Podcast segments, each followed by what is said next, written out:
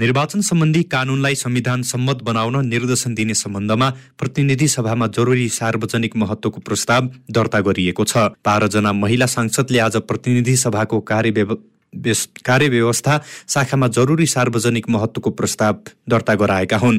प्रस्तावमा निर्वाचन सम्बन्धी कानूनलाई संविधान सम्मत बनाउन निर्देशन दिन माग गरिएको छ। संघीय संसदको प्रतिनिधि सभा र प्रदेश सभाको पहिलो हुने निर्वाचन प्रणाली अन्तर्गत उम्मेद्वारी दिँदा प्रत्येक दलले जनसङ्ख्याको आधारमा समानुपातिक समावेशी प्रतिनिधित्व बहुमोजिम महिला उम्मेद्वारी दिनुपर्ने र जरुरी सार्वजनिक महत्वको प्रस्तावमा उल्लेख गरिएको छ। यस्तै उनीहरूले प्रत्यक्षतर्फ दलहरूले जनसङ्ख्याकै आधारमा पचास प्रतिशत महिला उम्मेद्वार बनाउन अनिवार्य हुने गरी निर्वाचन कानून संशोधन गर्न माग गरेका हुन्। श्रम रोजगार तथा सामाजिक सुरक्षा मन्त्री शेरबहादुर कुवरले दक्ष सिप भएका जनशक्तिलाई मात्र वैदेशिक रोजगारीमा पठाउनु पर्ने बताउनु भएको छ।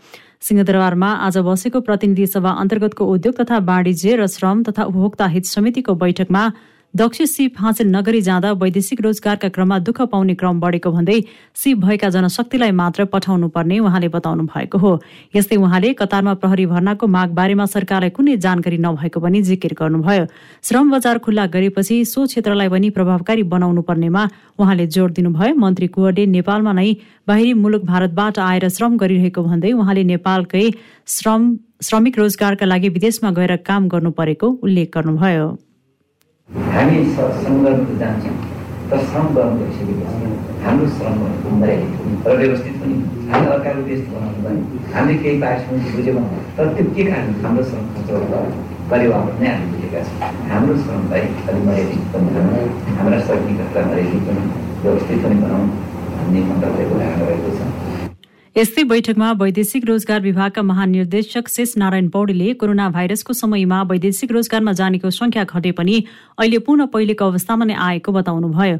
उहाँले आर्थिक वर्ष दुई हजार सतहत्तर अठहत्तरमा एक लाख छैसठी हजार वैदेशिक रोजगारीमा गएकोमा दुई हजार अठहत्तर उनासीमा त्यो संख्या बढेर छ लाख एक्काइस हजारमा पुगेको जानकारी दिनुभयो।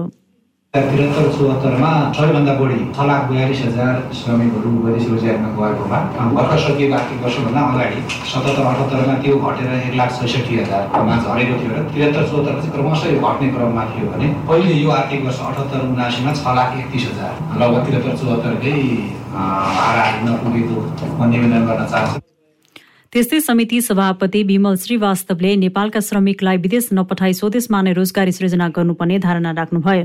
यस्तै उहाँले नेपाली उद्योगमा विदेशी कामदारको लागत संकलन गरी विदेशी कामदारको ठाउँमा स्वदेशी कामदार राख्न निर्देशन दिनुभयो। समितिले कतार इजरायल तथा दक्षिण कोरियामा अहिलेसम्म श्रम मन्त्रालयबाट भए गरेका कार्य प्रगतिको विवरण पठाउन पनि मन्त्रालयलाई निर्देशन दिएको छ। प्रमुख प्रतिपक्षी नेकपा एमाले महँगी भ्रष्टाचार र सरकारको कामको विरोधमा प्रदर्शन गरेको छ। जनसरोकारका विषयमा राज्यलाई जवाफदेही बनाउनका लागि खबरदारी गर्न भन्दै एमाले आज काठमाडौँमा विरोध प्रदर्शन गरेको हो। काठमाडौँको बसन्तोपुरदेखि सुरु भएको विरोध प्रदर्शन सहितको र्याली शान्ति बाटिकामा पुगेर कोट सभामा परिणत भएको थियो। प्रदर्शनमा पार्टीका काठमाडौँ उपत्यकाका भूगोलका तीनवटै जिल्ला कमिटी उपत्यका विशेष प्रदेश कमिटी र जनवर्गीय संगठनहरू लगायतको सहभागिता रहेको थियो। आम नागरिक महँगीको चौतर्फी मारमा पर्दा पनि वर्तमान प्रमादेशी गठबन्धन सरकारले मूल्य वृद्धि नियन्त्रणमा कुनै पहल नगरेकोले सरकारलाई खबरदारी गर्न प्रदर्शन गरिएको र शुभारम्भ मात्र भएको एमालेका नेताहरूले जनाएका छन्। वर्तमान गठबन्धन सरकारका कारण भ्रष्टाचार र कमिसन तन्त्र मौलाएको र अर्थतन्त्र सङ्कटग्रस्त बन्दै गएको आरोप उनीहरूले लगाएका छन्। एमाले नेता लालबाबु पण्डितले महँगी भ्रष्टाचार र सरकारका गलत कामको विरोध संसदमा साथै सडकबाट पनि संयुक्त रूपमा गरिने जिकिर गर्नुभयो। अब महँगी र भ्रष्टाचार जनतामा जुन असह्य स्थिति उत्पन्न हुँदै गएको छ र सरकारले कुनै पनि क्षेत्रमा ध्यान नदिएको जसरी भए पनि सरकार लम्ब्याउने गठबन्धन टिकाउने राष्ट्र चाहिँ जहाँ सुकै पुगोस् जनता जहाँ सुकै पुगोस् भन्ने जुन हिसाबले अगाडि बढेछ त्यस कारणले संसदमा त छँदैछ। अब नेकपा एमाले जनताको साथमा सडकबाट पनि यी आवाजहरूलाई उठाएर अगाडि बढ्दैछ। त्यसको आज एक किसिमले भन्ने हो भने प्रारम्भिक रूपमा प्रदर्शन भएको हो र कोणसभा भएको हो। त्यस्तै एमाले नेता शिरबहादुर तामाङले सरकारलाई संसदबाट च्याउन कोसिस गरे पनि सरकारले नसुनेका कारण सडकबाट पनि ध्यान आकर्षण गराउन खोजिएको बताउनुभयो। यो अगाडिको हाम्रो प्रोसेस पार्लियामेन्टभित्रै केही हुन्छ कि भनेर कोसिस गऱ्यौँ। पार्लियामेन्टको प्रोसेसमा अहिलेको सत्तापक्षले सुनेन र त्यसलाई नजरअन्दाज गरे र पार्लियामेन्टमा बोलिएका र सत्तापक्षले चाहिँ प्रतिपक्षबाट बोलिएका आवाजहरूलाई यहाँ चाहिँ निरन्तर दबाउने र खास गरी पछिल्लो प्रकरण त तपाईँको चाहिँ भ्रष्टाचार जस्तो इस्युमा खास गरी अर्थ मन्त्रालयभित्र मेनुपुलेट गरेर तपाईँको कर कदर हेरफेर गरेर अरबौँ रुपियाँ नेपालको चाहिँ आफ्नो राज्य खाताबाट घाटा पुर्याएर केही सीमित मान्छेहरूलाई नाफा पुर्याउने खालको कुरामा प्रमाण नष्ट गरेर अनि प्रमाण फेला परेन भनेर गणितको सङ्ख्या जोडेर अनि त्यस पछाडि चाहिँ हामी चाहिँ उन्मुक्ति भयौँ हामीले सफाइ पायौँ भनेर भनेर जुन नाटक गरियो त्यस पछाडि भने अब सहनीय स्थिति बनेन। हामी चाहिँ सडकमा आयौँ। यसैबीच महासचिव शङ्कर पोखरेलले जनसरोकारका सवालमा आफ्नो पार्टीले अगुवाई गर्ने बताउनु भएको छ। जनप्रदर्शन कार्यक्रमलाई समापन गर्दै महासचिव पोखरेलले जनताको सवाललाई उठाउने जिम्मेवारी एमालेको काँधमा आएको र अब महँगी भ्रष्टाचार र राष्ट्रिय हित विरुद्ध जनता सडकमा आउनुपर्ने उल्लेख गर्नुभयो। एमाले असन्तुलित र राष्ट्रहित विपरीतको नागरिकता विधेयक संसदीय प्रक्रिया मिचेर संसदबाट पारित गरेको आरोप पनि लगाउनु भएको छ। काठमाडौँबाट सुरु भएको सडक प्रदर्शनलाई देशव्यापी बनाउने एमाले नेताहरूले जनाएका छन्। नेकपा एमालेका अध्यक्ष केपी शर्मा ओलीले नेपालमा भएका सम्पूर्ण प्राकृतिक स्रोत साधनको समुचित प्रयोग हुन नसकेको बताउनु भएको छ। डाक्टर द्वारिकानाथ ढुङ्गेलको पुस्तक चक्रव्यूहमा नेपालको जलस्रोत पुस्तक सार्वजनिक कार्यक्रममा बोल्दै अध्यक्ष ओलीले यस्तो बताउनु भएको हो। राष्ट्रहित अनुकूल हुँदै ती साधन स्रोतको प्रयोग गर्नुपर्ने उहाँको भनाइ छ। यस्तै ओलीले लिम्पुवाधुरा लिपुलेको भूभागलाई नेपाली नक्सामा सामेल गरेपछि प्रधानमन्त्रीबाट हट्नु परेको पनि जिकिर गर्नुभएको छ। राष्ट्रियतालाई तिलाञ्जली दिने प्रविधि देखिएको पनि उहाँले तर्क गर्नुभएको छ। प्रतिनिधि सभा अन्तर्गतको महिला तथा सामाजिक समितिले मधेसी समुदायको स्पष्टता कायम गर्न मधेसी आयोगलाई निर्देशन दिएको छ। सिंहदरबारमा आज बसेको समिति बैठकले निश्चित आधारमा तय गरिने कुनै जात वा समुदाय मधेसी हुन् भन्ने अवधारणामा स्पष्टता नआएसम्म आयोगको कार्यक्षेत्रको दायरा निक्रियोल हुन नसक्ने र कार्य सम्पादनमा समेत अन्यलता आउने देखिएको भन्दै मधेसी समुदायको स्पष्टता कायम गर्न मधेसी आयोगलाई निर्देशन दिएको हो। बैठकले सङ्घीय एवं प्रदेश सरकारको कार्यान्वयन गर्ने मधेस सम्बन्ध कार्यक्रमहरू समेत कार्यान्वयनमा हुन नसकेको देखिएको भन्दै सिफारिस भएका नीतिहरू कार्यक्रमहरूको प्रभावकारिताको मूल्याङ्कन गर्न प्रदेश एवं स्थानीय तहसँग समन्वय गरी कार्यक्रमहरू दोहोरिन नदिने गरी कार्य सम्पादन गर्न पनि मधेसी आयोगलाई निर्देशन दिएको समिति सभापति निरु देवी पालले जानकारी दिनुभयो। त्यस्तै बैठकले मधेसी थारू मुस्लिम आदिवासी जनजाति लगायतका समूहमा हुने कार्यक्रमहरूको दोहोरोपना हुने गरेकाले सामान्य प्रशासन मन्त्रालयको समन्वयमा नहोदोरिने किसिमले कार्यक्रम गर्न मधेसी आयोग लगायत अन्य आयोगहरूलाई निर्देशन दिएको सभापति पालले जानकारी दिनुभयो। संघीय एवं प्रदेश सरकारले कार्यान्वयन गर्ने मधेस सम्बन्ध कार्यक्रमहरूमा समेत समन्वयमा हुन सकेको देखिँदैन। तसर्थ समितिको यो बैठक सिफारिस गरिएका नीतिहरू कार्यक्रमहरूको प्रभावकारिताको यथार्थपरक मूल्याङ्कन गर्दा प्रदेश एवं स्थानीय तहसँग समन्वय गरी कार्यक्रमहरू दोहोरिन नदिने गरी कार्य सम्पादन गर्न निर्देश त्यस्तै बैठकले मधेसी समुदायभित्रको उत्पीडन दाइजो बोक्सी प्रथा जस्तै कुसंस्कारलाई नियन्त्रण गर्न आयोगको महत्वपूर्ण योगदान रहने भन्दै त्यसका लागि स्थानीय तहसँग प्रभावकारी समन्वय गरी निरोधात्मक प्रकृतिका कार्यलाई प्राथमिकता दिन पनि मधेसी आयोगलाई निर्देशन दिइएको छ। मध्य प्रदेश सरकारले जनकपुर धाममा सञ्चालित उद्योग वाणिज्य तथा हित संरक्षण निर्देशनालय खारेज गर्ने निर्णय गरेको छ। मध्य प्रदेश सरकारको मन्त्री परिषदको आज बिहान बसेको बैठकले निर्देशनालय खारेज गर्ने निर्णय गरेको प्रदेश सरकारका प्रवक्ता एवं अर्थमन्त्री शैलेन्द्र प्रसाद शाहले जानकारी दिनुभयो। यस्तै बैठकले पर्साको वीरगंजमा उद्योग विभाग स्थापना गर्ने र सिराहाको लाहान धनुषाको जनकपुर धाम तथा पर्साको वीरगंजमा एक एकवटा गरी तीनवटा पर्यटन विकास कार्यालय स्थापना गर्ने निर्णय गरेको पनि मन्त्री शाहले बताउनुभयो। प्रदेश सरकारले आर्थिक वर्ष दुई हजार उनासी अस्सीको नीति तथा कार्यक्रम मार्फत पर्यटन प्रवर्धन गर्ने उद्देश्यले पर्यटन विकास कार्यालय स्थापना गर्ने घोषणा गरेको थियो। नेपाल बार एसोसिएसनले निलम्बित प्रधान न्यायाधीश चोलेन्द्र शमशेर जबरा विरुद्धको महाअभियोग प्रस्ताव तत्काल अघि बढाउन सभामुख अग्नि प्रसाद सापकोटालाई आग्रह गरेको छ। सिंहदरबार स्थित सभामुखको कार्यकक्षमा आज पुगेर बारका पदाधिकारीको टोलीले सभामुख सापकोटालाई भेटेर सर्वोच्च अदालतका प्रधान न्यायाधीश राणा विरुद्धको महाअभियोग अघि बढाउन आग्रह गरेको हो। बारकी महासचिव अन्जिता खनालले चालु अधिवेशनबाट नै प्रधान न्यायाधीश जबरा विरुद्धको महाअभियोगको छिनोफानो गर्ने गरी प्रक्रिया अघि बढाउन माग गर्न बारको टोली सभामुख सापकोटा समक्ष पुगेको बताउनुभयो। जबरा विरुद्ध सत्तारूढ नेपाली काङ्ग्रेस र नेकपा माओवादी केन्द्रका सांसदहरूले गत एक फागुनमा संसद सचिवालयमा महाअभियोग प्रस्ताव दर्ता गराएका थिए भने फागुन तेइस गते प्रतिनिधि सभा बैठकले महाअभियोग सिफारिस समिति बनाएको थियो। यद्यपि न त समितिले न संसदले सो अभियोगको प्रस्तावका बारेमा थप कुनै कारवाही प्रक्रिया बढाएको छैन। महाअभियोग प्रस्ताव भए लगतै प्रधान न्यायाधीश राणा चार महिनादेखि निलम्बनमा रहनु भएको छ। काठमाडौँको बुढा नीलकण्ठ नगरपालिकामा बसाइसराईको नक्कली कागजातका आधारमा मतदाता नामावलीको नाम समावेश गरेको भन्दै निष्पक्ष छानबिनका लागि कङ्ग्रेसले जिल्ला निर्वाचन कार्यालय काठमाडौँमा प्रदर्शन गरेको छ।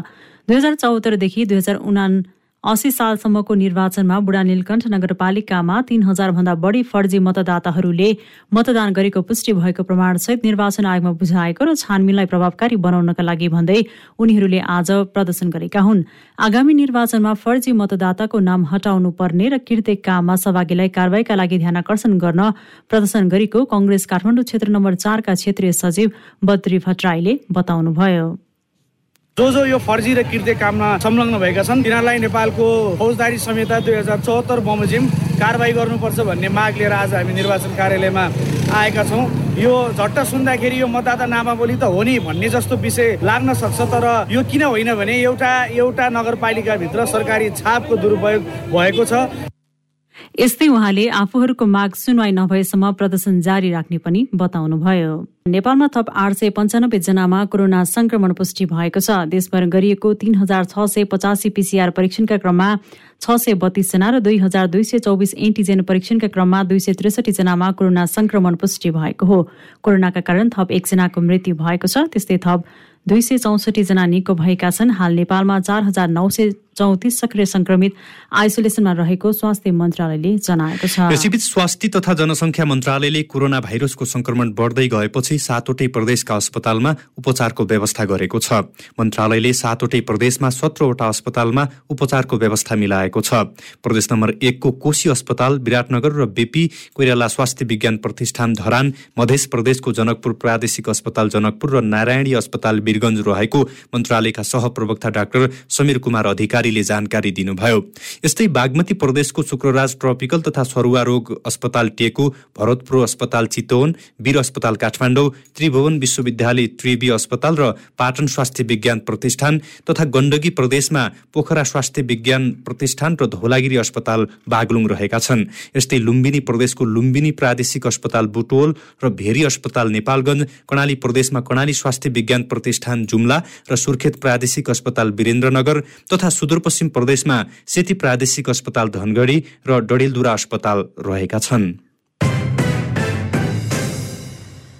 सोलुखुम्बुको सिद्धिचरण लोकमार्गको कटारी घुमी सडक खण्डमा बस दुर्घटना हुँदा बाह्रजना घाइते भएका छन्। सोलुखुम्बुबाट विराटनगर हिँडेको बा तिन ख उना तीस छप्पन्न नम्बरको बस उदयपुरको कोठारी नगरपालिका चार मरुवामा अनियन्त्रित भई दुर्घटना हुँदा बसमा सवार बाह्रजना घाइते भएको जिल्ला प्रहरी कार्यालय उदयपुरले जनाएको छ। आज दिउँसो साढे दुई बजे बस दुर्घटना भएको पनि इलाका प्रहरी कार्यालय कटारीले जनाएको छ। यस्तै उता चितवनको नारायणगढ मुगलिङ सडक खण्ड अन्तर्गत भरतपुर उनातिस स्थित भोरलेमा माइक्रो बस दुर्घटना हुँदा सत्रजना घाइते भएका छन्। दुर्घटनामा घाइते भएकाहरूको भरतपुर अस्पतालमा उपचार भइरहेको छ। आज दिउँसो करिब चार बजेको समयमा नारायणगढबाट धादिङतर्फ जाँदै गरेको बा तिन ख पचासी अठासी नम्बरको रिजर्भ माइक्रो बस आफै अनियन्त्रित भई सडकबाट बीस मिटर तल त्रिशुली नदी किनारमा खसेको थियो।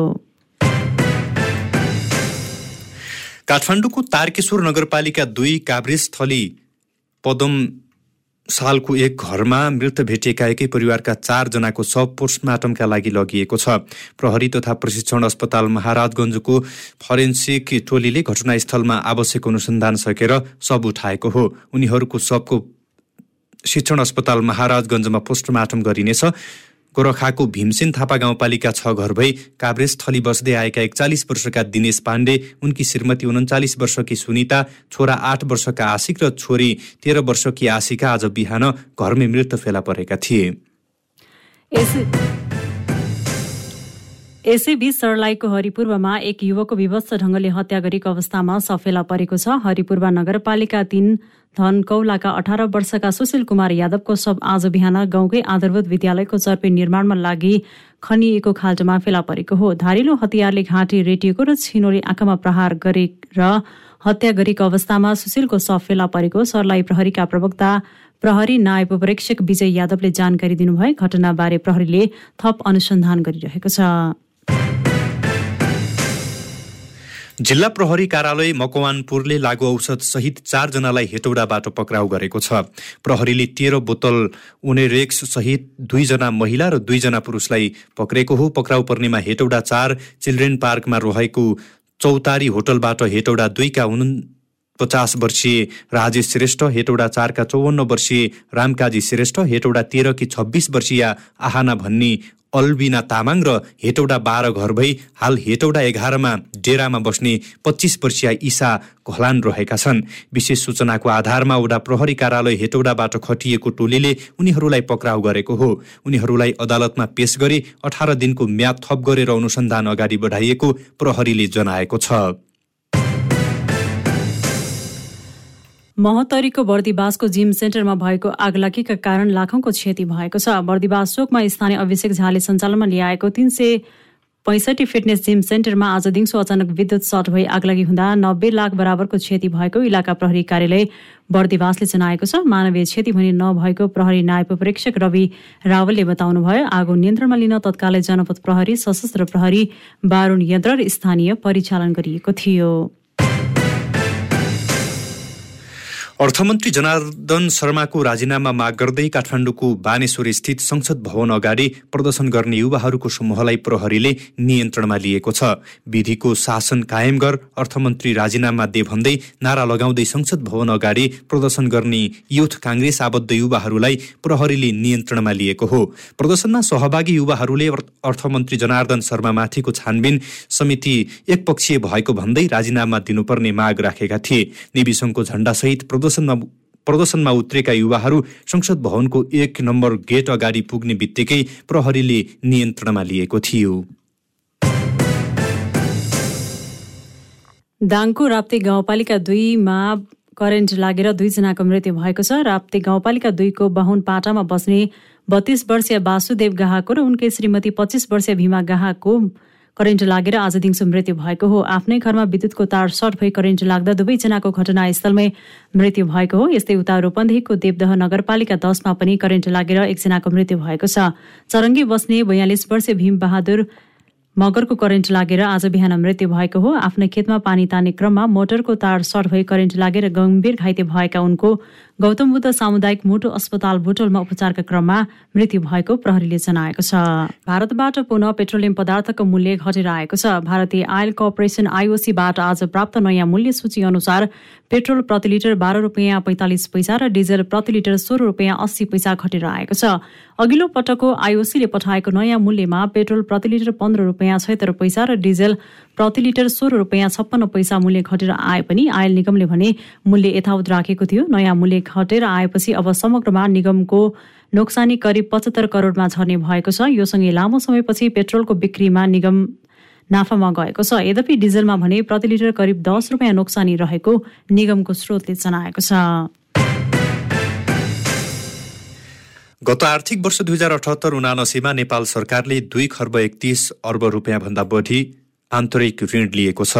अर्थ मन्त्रालयले सार्वजनिक गरेको विवरण अनुसार गत वर्षको साउनदेखि यो वर्षको असारसम्म दुई खर्ब एकतिस अर्ब सन्तानब्बे करोड रुपियाँ आन्तरिक ऋण लिएको हो।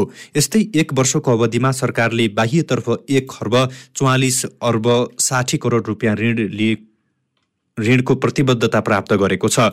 अर्थ मन्त्रालयका अनुसार गएको आर्थिक वर्षमा आन्तरिकतर्फ दुई खर्ब उन्चालिस अर्ब रुपियाँ ऋण पठाउने लक्ष्य रहेकोमा दुई खर्ब एकतिस अर्ब रुपियाँ लिएको छ।